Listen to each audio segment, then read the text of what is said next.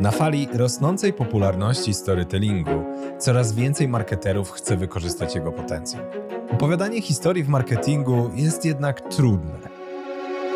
W podcaście Marketing Opowieści gościmy praktyków, którzy z sukcesem użyli storytellingu w swoich kampaniach. Razem z nimi udowadniamy, że opowiadanie dobrych historii nie jest zarezerwowane tylko dla wybranych. Nazywam się Michał Kasprzyk i zapraszam Was do wspólnego odkrywania tajników storytellingu.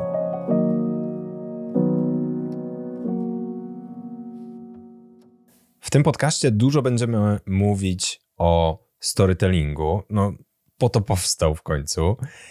I mam nadzieję, że przekonamy Was do tego, że warto z tego narzędzia korzystać i że nie jest ono aż takie straszne, jak może się wydawać. Ale w ramach tego procesu zaprzyjaźniania się ze storytellingiem, właśnie chciałbym opowiedzieć o kilku błędach, które ludzie popełniają, kiedy zaczynają wprowadzać storytelling w swoich markach. I pierwszym z takich błędów jest to, że mylą, czym ten storytelling w zasadzie jest.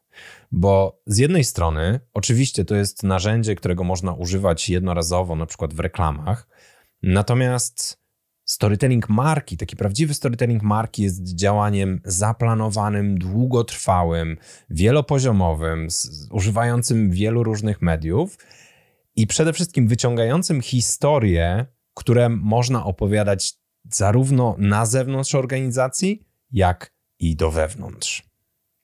To opowiadanie do wewnątrz jest moim zdaniem szczególnie ciekawe, dlatego że marki rzadko stosują taki zabieg, a przecież Pracownicy też są odbiorcami historii danej firmy, więc czemu z tego nie skorzystać?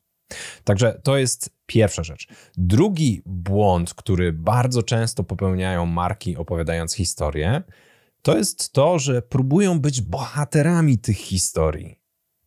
I ja wiem, to się może wydawać dosyć dziwne, że nie, to nie chodzi o bycie bohaterem. Marki w historiach powinny być mentorami, przewodnikami, tudzież mędrcami, którzy pomagają bohaterowi. A kto jest bohaterem? Klienci. To zawsze są klienci, tudzież odbiorcy marketingu, bo oczywiście, jeśli opowiadamy historie związane z employer brandingiem, no to wtedy odbiorcami są potencjalni pracownicy. Dlaczego tak? Dlatego, że jeżeli to klient jest bohaterem, to łatwiej mu się utożsamić z daną historią i łatwiej jest skorzystać z pomocy marki, która wtedy jest mentorem. I to bardzo łatwo dostrzec, kiedy wiemy, jakie elementy zawierają takie tradycyjne struktury storytellingowe, w wielkim, wielkim uproszczeniu. Mamy bohatera, mamy konflikt i mamy rozwiązanie. I teraz, jeżeli dołożymy do tych trzech jakieś kolejne kroki, to jednym z nich właśnie będzie postać mędrca. To będzie taki Joda dla Luka Skywalkera albo Morfeusz dla Neo.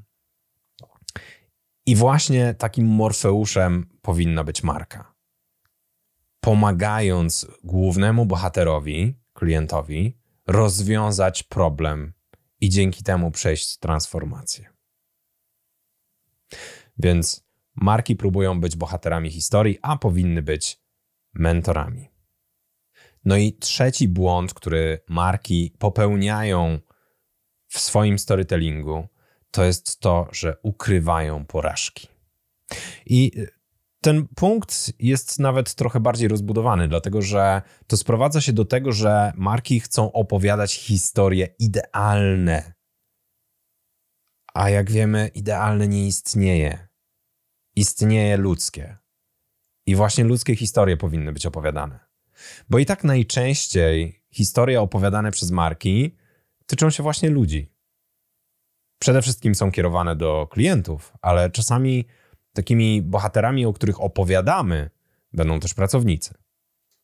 I ukrywanie porażek, których przecież w życiu doświadczamy. Przecież wiemy, że firmy też doświadczają. Ukrywanie tych porażek jest po prostu nieautentyczne i niewiarygodne. I nasi odbiorcy nie będą wierzyli w historie, które są wiecznie idealne. Mam wrażenie, że to jest szczególna domena korporacji, które po prostu boją się opowiadać o porażkach.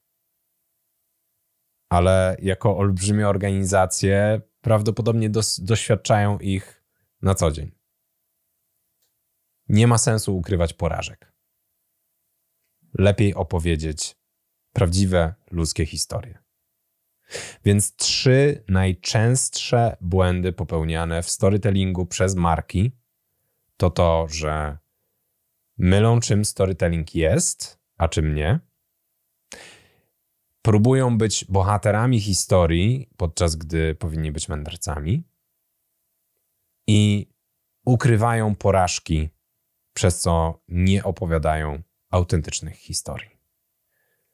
Tych problemów bardzo łatwo można uniknąć, tylko trzeba o nich wiedzieć. I myślę, że jak będziecie tworzyć swoje następne storytellingowe działania, to łatwiej wam będzie dostrzec, czy popełniacie któryś z tych błędów, czy nie. Droga słuchaczko, drogi słuchaczu, wierzę w to, że ten odcinek będzie dla Ciebie inspiracją do użycia storytellingu w następnej kampanii Twojej marki. Kontynuuj z nami podróż po świecie dobrze opowiedzianych historii i zasubskrybuj podcast Marketing Opowieści w Spotify, Apple Podcasts, Google Podcasts lub Twojej ulubionej aplikacji do słuchania podcastów.